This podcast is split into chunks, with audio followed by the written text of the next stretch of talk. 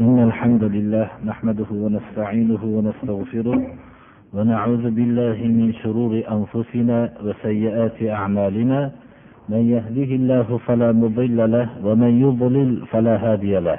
وأشهد أن لا إله إلا الله وحده لا شريك له.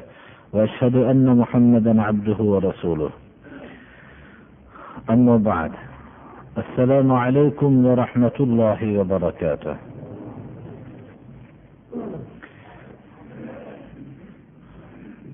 Bugungi kun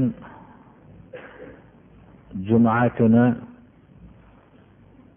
inshaalloh jumodi soniy oyi shanba kuni tamom bo'ladida yakshanba kuni rajab oyining birinchi kuni. Shabon rajabdan keyingi oy. Alloh subhanahu va taolo nasib qilsa ramazoni sharifga ikki oydan sal ko'proq kun qoldi. Alloh subhanahu va taolo shu ramazoni sharif oyiga hammalarimizni nasibamizni qo'shgan bo'lsin.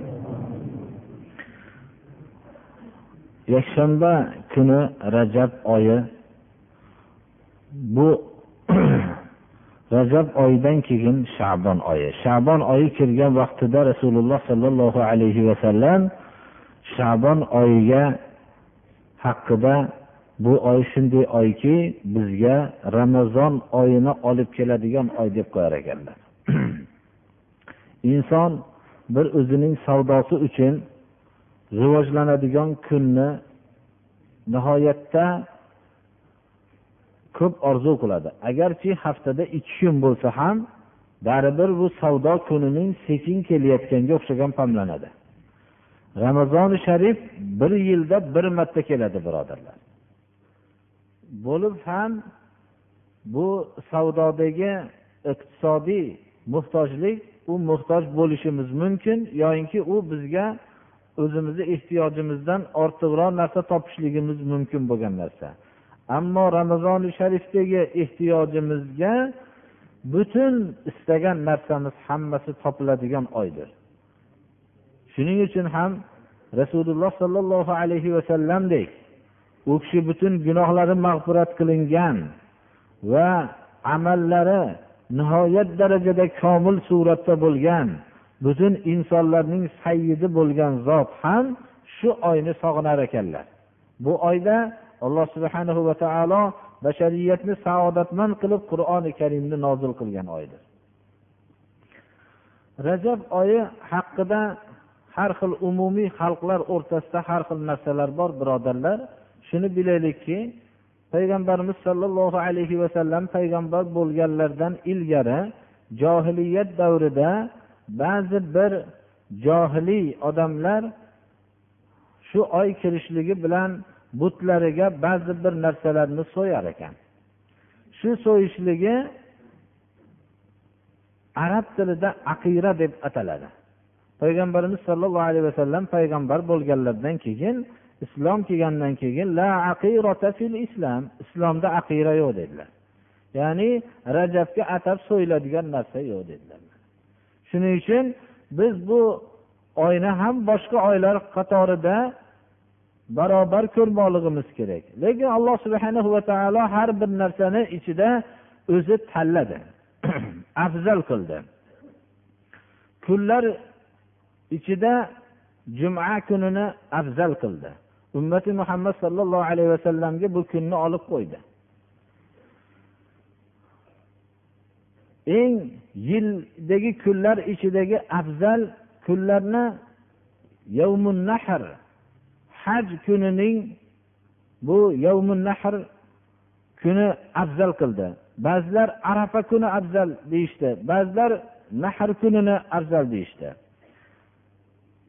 Insonlar ichida ham alloh subhanahu va taolo tanladi bularni ichida birinchi nabiylarni tanladi nabiylar ichida rasullarni tanladi rasul bular alloh subhanahu va taolo tarafidan kitob tushgan zotlar. Bu payg'ambar rasullar ichida ulul azm eng qur'oni karimda ulul azm bular har bir amalning jiddiylarini afzalini tanlab qilgan zotlar payg'ambarlar ichida ham ulul azmlarni tanladi. Bularni beshta besh kishi payg'ambarlardan besh kishini ulul azm deymiz. Muhammad alayhissalom nuh alayhissalom muso alayhissalom va iso alayhissalom va hokazo beshta kishi ibrohim alayhissalom bular beshovlari ulul azmlardan hisoblanadi ulul azmlar ichida ham halillarni tanladi. Ikkita halili bor. Muhammad alayhissalom halilulloh ibrohim halilulloh har bir narsada alloh subhanahu va taolo tanladi. Koinoti yerni yaratdi va koinoti yerning eng oliy o'rnini o'zining muqarrab farishtalarining makoni qildi. Shunga o'xshagan farishtalar ichida ham jibril alayhissalom va mikoil alayhissalom isrofil alayhissalom bularni tanladi. Muqarrab farishtalardan deb ollohga yaqin bo'lgan farishtalardan har bir narsaning jinsidan tanlanganlari bo'ldi. Butun mana payg'ambarlar ichida muhammad alayhissalomni eng ulug'i qilib tanladi. Kitoblar alloh subhana va taolo o'zining dargohidan kitoblar nozil qildi. Tavrot injil zabur qur'onni. Qur'onni hamma o'tgan kitoblarni mansux qilib qur'on nosih bo'lib qiyomatgacha bu islom ummatining abadiy kitobi bo'lib qoldi.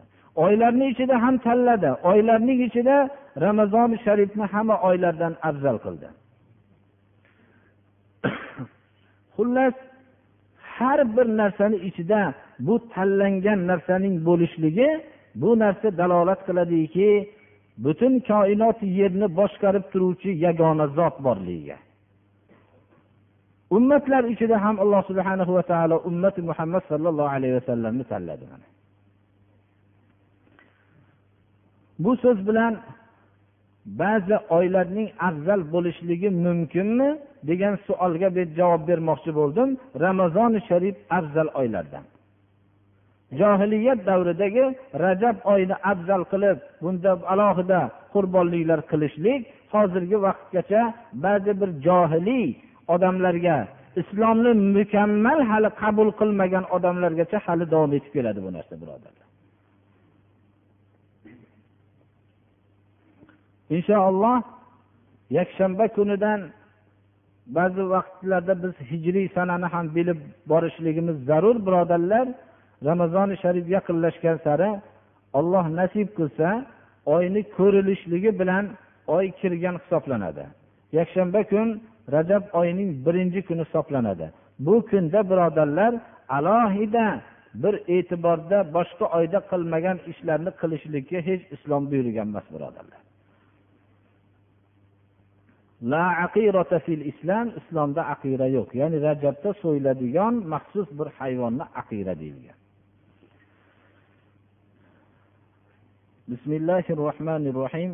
قل يا أيها الناس إن كنتم في شك من ديني فلا أعبد الذين تعبدون من دون الله ولكن أعبد الله الذي يتوفاكم وأمرت أن أكون من المؤمنين وأن أقم وجهك للدين حنيفا ولا تكونن من المشركين إن شاء الله mana darsimizni davom ettiramiz bugun alloh nasib qilsa sura yunusni oxiriga yetkazamiz alloh subhanahu va taolo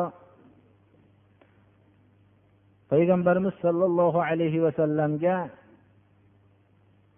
fir'avn va uning lashkarlarining g'arq bo'lib alloh subhanahu va taolo muso alayhissalom va u kishiga ergashgan mo'minlarga najot berganligini bayon qilib va yunus alayhissalomning qavmlari da'vatni qabul qilmasdan avvalgi da'vat suratida keyin da'vatni qabul qilishganliklari sababli ularga kelayotgan azobni olloh ko'targanligini bayon qilgandan keyin biz rasullarimizga payg'ambarlarimizga albatta yordam beramiz deb va ularga ergashgan mo'minlarga qiyomatgacha yordam berishligini va'da qilgandan keyin bevosita rasululloh sollallohu alayhi vasallamga xitob qilib qul ayting ey muhammad alayhissalom ya ayyuhannas ey odamlar agar meni dinimdan dinimdan sizlar shak shubhada bo'lsanglar men sizlarga ruhan tushkunlikka uchrab sizlar bilan men murosa qila olmayman deng. Ollohdan boshqa sizlar sig'inayotgan narsalarga men hech qachon sig'inmayman deb ayting deyapti alloh taolo. Inson bir jamoani haq yo'lga da'vat qilgan sari u da'vatni qabul qilmasligi bilan insonda hech ruhiy tushkunlik paydo bo'lmasligi kerak. Ya ayyuhannas deb tamomiy odamlarga xitob qilyaptilar. Ayting xitob qiling deyapti alloh taolo. Agar sizlar meni dinimdan shak shubhada bo'lsanglar men sizlar ibodat qilayotgan ollohdan boshqa soxta ma'budlarga ibodat qilmayman deng sizlarni joniylarni oladigan ollohga ibodat qilaman. Haqiqatda inson jon taslim qilishligini bilsa bir yagona bir zot olamni boshqarayotganligini biladi. Shunday ajoyib ko'rinishdagi inson ajoyib bir qobiliyatlarini bildirib turgan inson bir daqiqada jon taslim qilishligi bilan sovuq jasadga aylanadi va qo'rqinchlik bo'la boshlaydi. Sizlarni vafot toptirayotgan inson vafot topdi. Nima ish sodir bo'ldi? Hech kim aytib berolmaydi. Yuragi to'xtadi yo unisi to'xtadi bunisi qon urishi miyasiga qon quyildi va hokazo shundan boshqa narsa sodir bo'lmaydi. Nahotki miyaga qon quyilishligi bilan shunchalik insonda o'zgarish sodir bo'lsa? Demak vafot degan narsani tan olishlikka majburmiz. Alloh subhana va taolo insonni vafot toptiradi. Mana bu vafot topishlik bilan inson avvalda tuprog'ida bu tuproqqa olloh tarafidan ruh kirishligi bilan ajoyib maxluqqa aylangan edi. Shu kirgan ruhni olloh o'zi kirgizuvchi zot chiqaradi. Chiqarishligi bilan ilgarigi hech qanday ajoyib emas bo'lgan tuproqqa sekin aylanadi. Mo'minlardan bo'lishlikka buyurilganman deng. Va yuzingizni dinga botil narsalardan burilib dinni o'ziga barpo qilishlikka buyurilgansiz ya'ni shunga buyurilganman deng. Birdaniga alloh subhana va taolo bevosita xitob qilyaptiki inson haqiqiy mo'min bo'lgandan keyin u darrov o'zi o'zini vajhaka yuzingizni dinga shunday barpo qilishlikka. Biror bir tarafga burilmasdan faqat dinga barpo qilib shu tarafga botil narsalarni hammasidan voz kechgan holatda dinga yuzimni barpo qilishlikka buyurilganman deng mushriklardan bo'lmaslikka ma'mur bo'lgansiz. Shirk shunchalik kuchli narsaki birodarlar. Ya'ni ko'plikdan ma'no kinoya qilmoqchiman. Shirk o'zi hech qanday islomda bu e'tiborli narsa emas. Islomda bu shirk islomga butun zid narsa.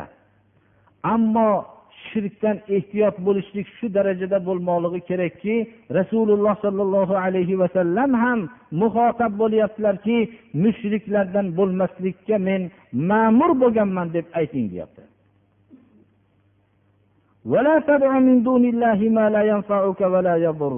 Ollohdan boshqa sizga foyda ham yetkazmaydigan manfaat ham yetkazmaydigan zarar ham yetkazmaydigan narsalarga sig'inmang. Duo qilmang. Inson mana bu narsada hamma odam olloh saqlaganlar mustasno mana bu yiqiladi. Hayotdagi juda katta bir ziyolik shunchalik aql idrokli kishilarni tekshirsangiz hammalari ollohdan qo'rqishmaydi. Ollohni yo'lida yurgan kishilarga zulm qilishlikdan qo'rqmaydi. Ammo bitta bir foyda ham zarar ham yetkazolmaydigan bir joydagi eski bir qadimiy daraxtdan qo'rqaveradi. Bu manfaat ham yetkazmaydi zarar ham yetkazmaydi.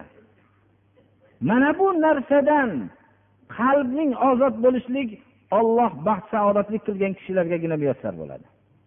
Umar ibn hattob roziyallohu anhu hajarul asvad ro'barusida turib aytdilarki ya hajar ey tosh dedilar. Sen manfaat ham yetkazmaysan zarar ham yetkazmaysan dedilar. Agar men rasululloh sollallohu alayhi vasallamning seni o'pganliginlarini ko'rmaganimda o'pmasdim deb borib o'pdilar.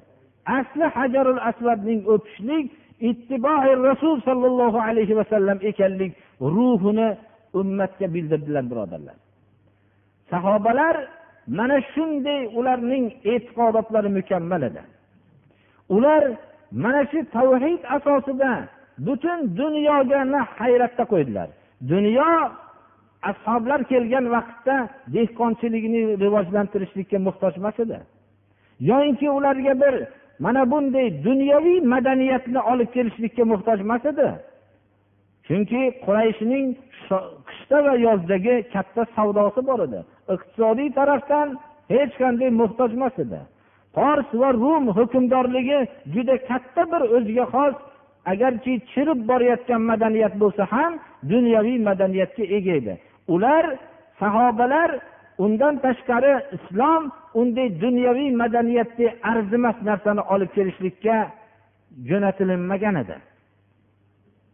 Bu dunyoviy madaniyat mantiqiy islomning ma'naviy madaniyatiga mantiqiy samara bo'lib kelardi. Shuning uchun sahobalar dunyo mahrum bo'lgan tavhidni olib kelishdilar. Bu tavhidni yakka ollohga ibodat qilish ibodatni faqat ollohni o'ziga xolis qilish hech bir narsani sharik qilmaslik namozni barpo qilishlik mana bu ruhni olib kelishganlaridan keyin o'zi dunyoviy madaniyat unga mantiqiy samara bo'lib natija bo'lib kelaverdi. Shuning uchun ham ular manfaat yetkazmaydigan zarar ham yetkazmaydigan narsalarga umrbod ibodat qilib kelgan johiliyat davridagi holatlarni hammasidan voz kechishdilar. Hattoki johiliy davrda islom kelishligidan ilgari safo marvani oldinida borishib kelardilar. Mana hajga borgan kishilar safo marvani ko'rishganlar shu safo tog'i bilan marva tog'ini o'rtasida borib kelib yuguradigan maxsus o'rinda yugurishib shunday kelib turgan vaqtlarida o'zlari bu narsani islom man qilgani yo'q islom kelgandan keyin. Chunki safo marva bu ibrohim alayhissalomdan qolgan bizga sunnat edi shuni qilishlikni ham so'rashdilar. Ya'ni agarchi islom kelgandan keyin ular boshqa dunyoga o'tganliklarini his qilishdilar shunda qur'oni karimda ollohning shiorlaridan safo marva degan oyat nozil bo'ldi. Endi bular shu safo marvani yurishlikdan shundan keyin tortinishmadilar. Bizni musulmonlar birodarlar islomni qabul qilishligi o'zgacha hozirgi vaqtda. Islomni qabul qilgan odamlar o'ylashliklari kerakki endi johiliyat orqada qoldi. Uni uloqtirilishligi kerak. Endi hayotda biror bir narsani qilishlikka muxtor emas deb bilishligi kerak. Endi bu hayotdagi qilayotgan ishlarning hammasi o'zi iymon keltirib baxt saodatli bo'lgan islomga muvofiq bo'lishligi kerak degan tushunchada bo'lmoqligi kerak. Ammo muomalat dunyoviy ishlardachi? Dedilar. Sizlar dunyo ishini o'zinglar mendan ko'ra biluvchiroqsizlar deb rasululloh sollallohu alayhi vasallam yo'llama berdilar.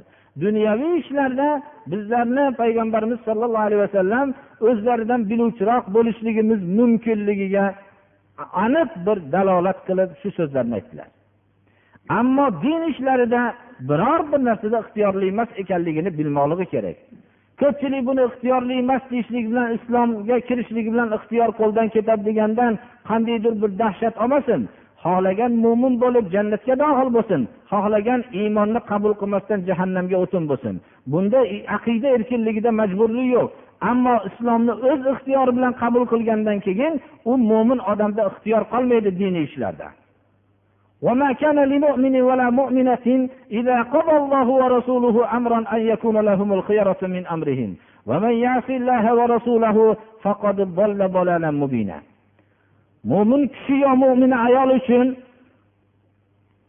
olloh rasuli bir hukmni qilgan bo'lsa uni qabul qilishlik va qabul qilmaslikda ixtiyori bo'lishi mumkin emas kim olloh rasuliga osiy bo'lsa ochiqdan ochiq adashibdi shuning uchun biz iymonni qabul qilgan vaqtda bizni musulmonlar namoz o'qishni boshlashadilar va ramazonda ro'zani ham tutishadilar. Lekin namoz o'qishlik bilan ro'za tutishlikda agarki u sunnatga muvofiq muvofiq bo'lishligidan qat'iy nazar boshqa hayotida o'zgarish bo'lmaydi birodarlar. Odatdagi qilayotgan ishlari hammasi davom etaveradi. Mo'min odam iymonni qabul qilish bunday bo'lmasligi kerak. Har bir an'anasida islomiy an'anaga muvofiq bo'lishligi kerak. Har bir narsa o'zining qilayotgan shaxsiy amallarida dinga bog'liq bo'lgan o'rinlarda din nimani buyurgan islom menga shu haqda nima bergan nima ta'lim bergan degan narsani bilishlikka ma'murdir va bilgandan keyin amal qilishlikka ma'murdir bu. Sahoba ikromlarning bizlardan farqlarining asosiy markazlashgan joyi shu yerda birodarlar. Ular islomni qabul qilishlik bilan boshqa dunyoga o'tganliklarini his qilardilar. Bizlarning ko'p ko'p vaqtdagi islomga o'tishlik bu kuch quvvatdan qolgan vaqtda islomga o'tishadi. Mast qiluvchi ichimlikni olloh man qilgan deb qaytishlik bilan agar shuni ichsang o'lasan deb degan vaqtda to'xtalishlikning farqi bor birodarlar. Hozirgi vaqtda mast qiluvchi ichimlikdan to'xtalayotgan odamlarning aksari shu narsani ichsang o'lasan degandan keyin to'xtaydi. Yana ham shu narsani ko'rganda tamshanib turadi. Buzuq ishlardan tiyilgan odamlarni ko'rsangiz jasadida buzuq ishga bo'lgan quvvat qolmagancha boradi. Shariat man qilgan degan narsa bilan o'zini to'xtatishlikning bu bilan ikkovini farqi bor birodarlar. Shuning uchun ham mast qiluvchi ichimlikning bekor qilinishligi zarracha foyda bermadi birodarlar. Nima uchun? U iymon asosiga qurilmagan edi. Ammo islomdagi mast qiluvchi ichimlikning bekor qilinishligichi? U iymon asosiga qurilib ollohning kalomi olloh man qildi degan fikrda bo'lganligi uchun mast qiluvchi ichimlikdan tiyildi odamlar.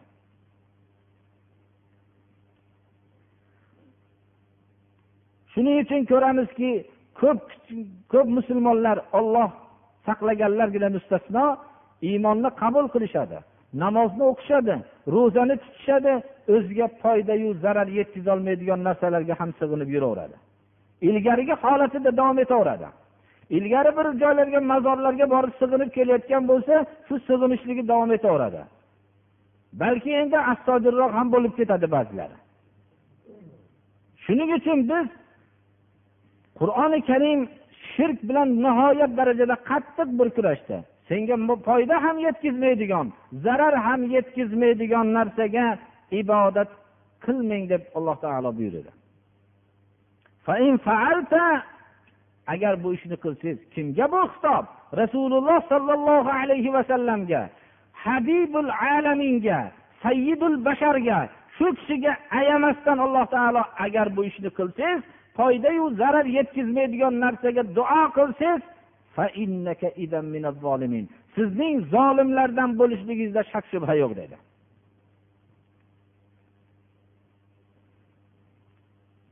Kim bo'lishligidan qat'iy nazar qaysi ulug' zoda xonadonidan bo'lishligidan qat'iy nazar ollohdan boshqa narsaga duo qilishligi bilan alloh subhanahu va taolo man qilgan shirkka kirishligi bilan allohning e'tiboridan shu zahotda tushadi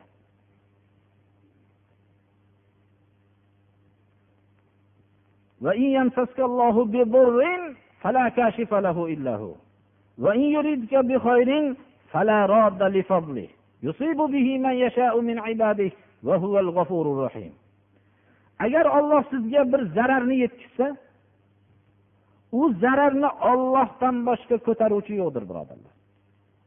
Ko'pchilik boshiga musibat tushgan vaqtida ko'p narsani tushunadi. Tushunadida shunda aytadiki yori birodarlar ham bekor ekan deydi. Qarindosh urug'lar ham bekor ekan deydi. Chunki o'zi bilsa bu baxt saodatu musibat tushishligi chunki u butun manfaatni qarindosh urug'larga bog'lab yuruvdi. Musibatni ko'taradigan qarindosh urug'lar deb yuruvdi. Musibatni ko'taradigan yori birodarlar deb yuruvdi. Mana shunday shirkdan salomat qoladi. Ollohdan boshqa insonning boshiga tushgan zararni ko'taruvchi yo'qdir. Inson bu kalimani boshiga musibat tushganda ko'radi. Ko'proq shu ma'noni tushunadi. Agar olloh sizga bir yaxshilikni iroda qilsa ollohni fazlini qaytaruvchi yo'q. Olloh biz subhanahu va taolo bir kishiga fazilat berayotgan bo'lsa ho iqtisodiy fazilat ho ilmiy fazilat shariatga muvofiq ilm berib unga bir fazilatu manzilat berayotgan bo'lsa uni yer yuzi jamlanib qaytaraman desa qaytarolmaydi bu narsaning biz hamma misolda ko'rishimiz mumkin. Muhammad alayhissalomning misolida nihoyatda yaqqol ko'ramiz. Muhammad alayhissalomning hech qanday dunyolari yo'q. Shunaqa holatda qoldirishib butun go'dak bolalar ham u kishini toshlar bilan urib shu kishini bu yo'qolib ketadi deb butun e'tibor qilgan odamlar hammasi malum bo'lib yo'qolib ketdi. Rasululloh sollallohu alayhi vasallamning olloh tarafidan bu kishiga kelayotgan risolat fazilatini hech kim qaytara olmadi. U kishining shuhratlarini olamga tarqalishligini shu vaqtgacha bir ming to'rt yuz yillarda hisobsiz million million odamlar maosh olishib shu kishining pastlatishlik uchun maosh olib ishladi. Islomga qarshi shu narsani kurashib ishladi. Islomning pok nurini bironta odam to'solmadi. Qiyomatgacha ham buni to'solmaydi. Rasululloh sollallohu alayhi vasallamga bo'lgan qarshilikni ta'riflab bo'lmaydigan darajada birodarlar. Tarix bayon qilgan qarshiliklar baribir u kishining boshlarida bo'lgan tarix qiyinchilikning bir qismi bo'lib qolaversa kerak. Alloh subhana va taolo har bir kishiga bir fazilat yaxshilikni iroda qilgan bo'lsa fazilatni qaytaruvchi emas. Hech kim ollohdan boshqa odam qaytara olmaydi. Bu fazilatni kim qaytara olmaydi? Bu fazilatni berayotgan zot qaytaradi. O'zining sunnatiga muvofiq beradi. O'zining sunnatiga muvofiq qaytaradi. Yomonlikni ham birovga yetkazishligi o'zining sunnatiga muvofiq yetkazadi. Ollohning ko'rsatmasi asosida yo'l tutmaganligidan insonga ba'zi bir holatlar keladi. Bu ham insonning manfaati bo'lib chiqadi. Mo'min odamdan alloh subhana va taolo mana shunday e'tiqodda bo'lishligini xohlaydi. Mana shu e'tiqodni muqarrar qilishlik uchun payg'ambarlar jo'natdi. mana shu e'tiqodda yashashligini xohladi mana shu e'tiqodda yashaganlarga jannat va'da qildi mana shu e'tiqodga sodiq bo'lib qolishligini xohladi mana shu e'tiqodning jon taslim qilayotgan vaqtida avlodlariga qo'yib ketishligini xohladi أم كنتم شهداء إذ حضر يعقوب الموت إذ قال لبنيه ما تعبدون من بعده قالوا نعبد إلهك وإله آبائك إبراهيم وإسحاق إبراهيم وإسماعيل وإسحاق إلها واحدا ونحن له مسلمون yaqub alayhissalom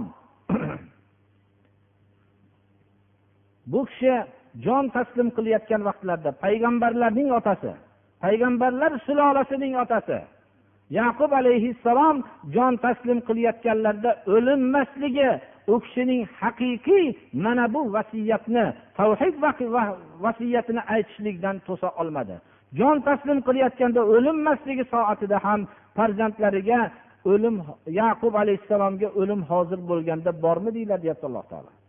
Farzandlariga aytdilarki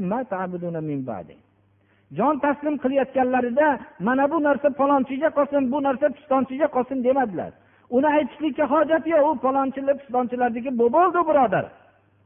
U moli davlatni siz aytishligingizdan tashqari u egasiniki bu bo'ldi u narsa. Yoyinki biror bir narsa nimani vasiyat qildi? Mendan keyin nimaga ibodat qilasizlar dedilar. Mana bu narsadan meni xotirjam qilinglar dedilar. Ular biz yagona ma'budga ibodat qilamiz deyishdilar farzandlari. Mana shu e'tiqodda bo'lganimizdan keyin birodarlar alloh subhanahu va taolo bizning mana shu e'tiqodda bo'lishligimizni iroda qildi. Xohladi. Mana shu e'tiqodda bo'lganlarga jannatni va'da qildi.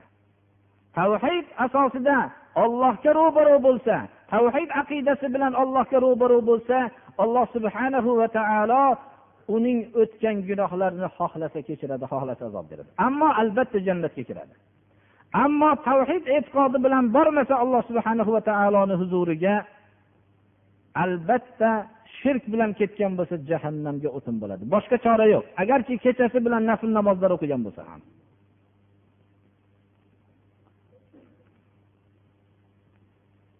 Ba'zi hadisi qudsiylarning ma'nosi ey inson farzandi agar menga tavhid bilan ro'baro bo'lsang hech bir narsani sharik qilmagan holatda yerning butun qobig'i to'la gunoh bilan kelsang yerni qobig'i to'la mag'firat bilan senga ro'baro bo'laman deydi. Mana bu shuning uchun biz shu tavhidga biz sodiq qolmoqligimiz kerak. Qur'oni karimning har bir oyati shu bilan boshlanadi. Suralar avvali ham shu bilan boshlanadi tugallanishligi ham shu bilan tugaydi. Va shu suralarning ichidagi oyatlarning asosiysi ham shu tavhid haqida yuradi. Ming afsuslar bo'lsinki shunchalik islom tavhidga e'tibor berishligiga qaramasdan ahli islomman degan odamlar o'zlarining dinlarini zarariga hujjat bo'lib tavhiddan burilishgan. Hammasidan ham qiziqrog'i shuki odamlar mushrik bo'lib sig'inib kelgan joylarni. Bizda muqaddas joy uchta birodarlar. Masjidil harom masjidil aqso masjidil nabiy sollallohu alayhi vasallam. Uchov joyni biz muqaddas deb bilamiz.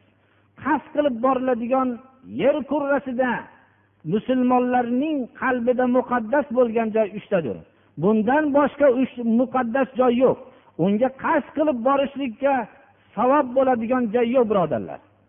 Shuning uchun insonning qalbida alloh subhana va taolo muqaddas joyga borishlikka bo'lgan g'arizani o'rnatdida va muqaddas joylarning uchta qilib qo'ydi. Umrida bir marta borishlikni qodir bo'lganlarga farz qildi. Alloh subhana va taolo masjidil aqsoga o'zi najot bersin. Mana bu hammasidan ham qizig'i shuki musulmonlar o'zi musulmon deb atalgan kishilar desak ta'birimiz to'g'riroq bo'ladi. Har xil joylarni muqaddas deb u yerga borib har xil islomga zid bo'lgan ishlarni qilib mushrik bo'lib kelishsayu uni islomning dushmanlari mana bu joylarni yo'qotishlik kerak deb u narsalarni avvalda shunday edi birodarlar. Avvalda bular bu narsani xurofot bu narsalar deb yo'qotishardi. U narsa islomga yordam berish edi birodarlar. U joylarni hech qanday islom buni buyurgan emas u narsani muqaddas deb aytishlikni hatto ilmiy ommabop majallalarda ham muqaddas joylar muqaddasmi degan maqolalar bilan shunday butun har xil joylarda hali ularning kimligi noma'lum bo'lgan joylarni shu yerlarni muqaddas deyilib islomda ahli islomlarning ustidan islom shunday qilgan deb atalishlari mutlaqo jaholat birodarlar bu shuning uchun biz bilishimiz kerakki bizning musulmonlar islomning zarariga hujjat bo'lib qolmasligi kerak. Islom buyurgan narsani qilmoqlik kerak islom qaytargan narsadan qaytmoqligimiz kerak. Dunyoviy ishlarda rasululloh sollallohu alayhi vasallam o'zinglar dunyoviy ishlarni mendan yaxshi biluvchiroqsizlar dedilar bunda biz erkinmiz birodarlar. Shariat harom qilgan narsalar bilan shug'ullanmaslik sharti bilan.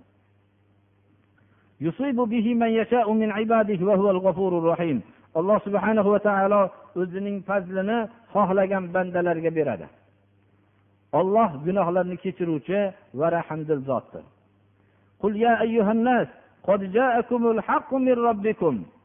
Ayting ey muhammad alayhissalom ey odamlar sizlarga rabbiylar tarafidan tarbiyat qiluvchi zot tarafidan haq keldi deng. Haq faqat alloh subhanahu va taolo tarafidan. Al haqqu min robbika. Haq rabbiz tarafidandir. Chunki inson tarbiyalanishlik uchun haqqa muhtojdir. Haq bilan tarbiyalansa manfaat beradi. Bu rab taolo tarafidan bizlarning tarbiya qiluvchi alloh subhanahu va taolo tarafidangina haq keladi. Boshqa tarafdan haq kelmaydi. Haq ikkita bo'lmaydi. Haq chorakam bo'lmaydi. Haq yarimta bo'lmaydi haq bitta bo'ladi. Boshqa narsalar hammasi zalolatdir.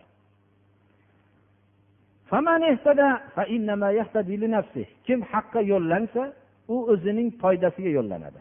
Haqqa amal qilgan odam birov uchun bo'lmaydi u narsa. O'zining foydasi uchun bo'ladi. Haq bilan yashagan odam aziz bo'lib yashaydi. Haq bilan o'lgan odam aziz bo'lib o'ladi. Haq bilan hayotini tamomlagan odam o'zining hayotidan keyin ham aziz bo'lib xalqlar tarixida pok bo'lib qoladi. Haqdan kim burilsa bu birovga zarar yetkazolmaydi. Bu o'zining zarariga adashgan bo'ladi. Haqdan burilgan odamlarni men ularga yordam berib saqlab qoluvchi emasman deb ayting dedi. Rasululloh sollallohu alayhi vasallam haqdan burilib ketgan odamlarga yordam berishlikka qodir emasman deb ayting deyishlikka ma'mur bo'ldilar.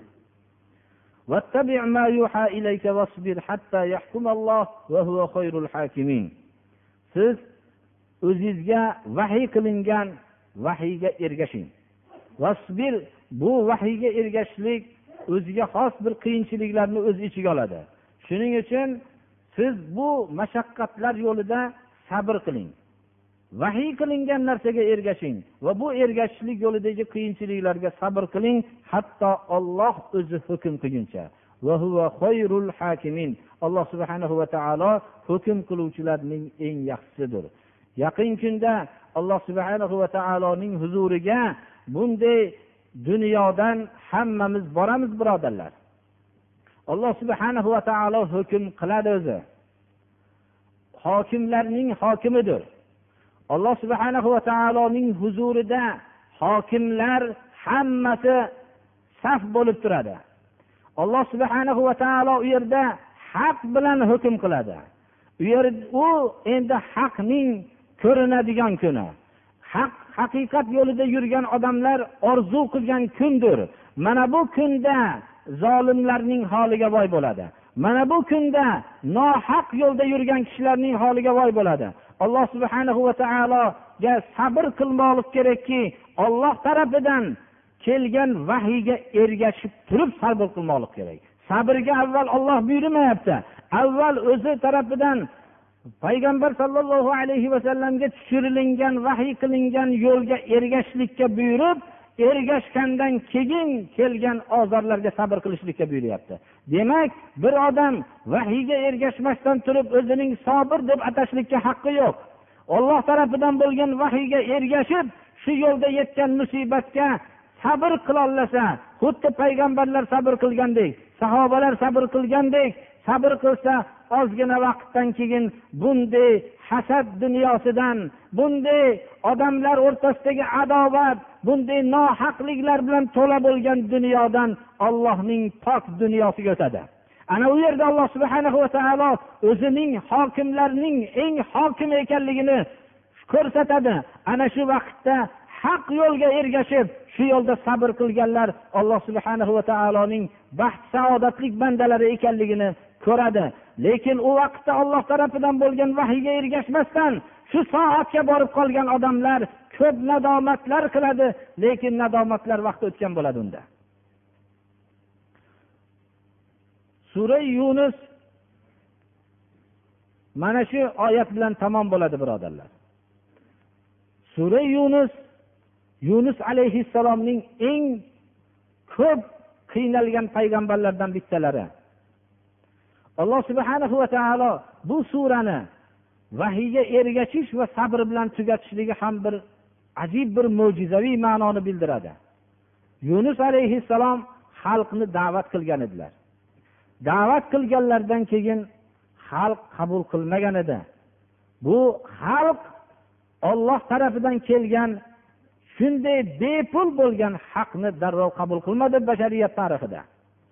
Mana bu haqni qabul qilmaganligi uchun yunus alayhissalom ko'p tang bo'ldilar. Ko'p tang bo'lganliklaridan shaharni tashlab chiqib ketdilar. Azob kelishligini bildilar.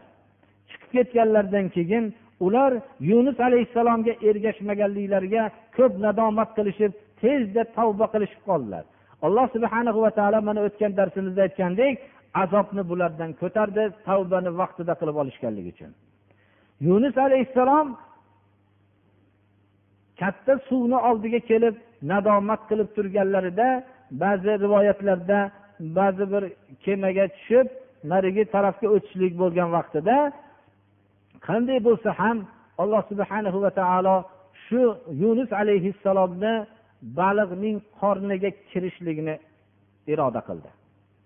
Baliq yutdi. Yunus alayhissalomni yutganligi bilan baliqni qornida turib la ilaha illa anta subhanak inni kuntu zolimin dedi. Mana bu o'zlarini zolimlardan deb sanadilar. Tavhidni aytdilar. Ya'ni o'zing yakka zotsan ayblardan pok zotsan men zolimlardanman dedilar. Bunda shak shubha yo'q dedilar. Alloh subhana va taolo u kishini qancha muddat turgan bo'lsalar u kishiga najot berdi. Qur'oni karim surai ambiyo payg'ambarlar surasida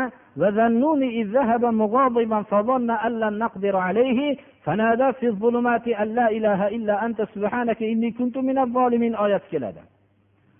Ya'ni siz yodingizga oling yunusni. Har bir kishi yodiga olsin. Qur'on yodingizga oling deb muhammad alayhissalomga buyuryapti. Da'vat qilayotgan odamlar yodiga olsin. G'azablanib ketib qoldi. Xalqni tashlab g'azablanib ketdi. Chunki da'vat qilaverdilar da'vat qilaverdilar qabul qilishmadi. Bunga g'azablandilar. Hammamiz g'azablanamiz.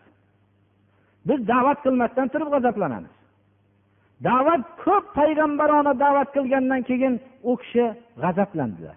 Alloh taolo aytyaptiki biz u kishini undan ham tang qilib qo'yishlikka qodir emas deb gumon qildimi? U kishini qattiqroq tang qilib qo'ydik. Zulmatlar ichida nido qildilar. Kechaning zulmati suvning tagidagi zulmat baliqning qornidagi zulmat zulmat zulmat ichida qoldilar. Aytdilarki xalqqa haq yo'lga chaqirsam ular ozor berganligiga chidamasdan yurish bu zolimlik dedilar. Inson haqiqatdan bir inson haq yo'lga chaqirsangiz haqni qabul qilmasa erkin yursangiz ammo sizni shunday bir baliqni qorniga olib kirib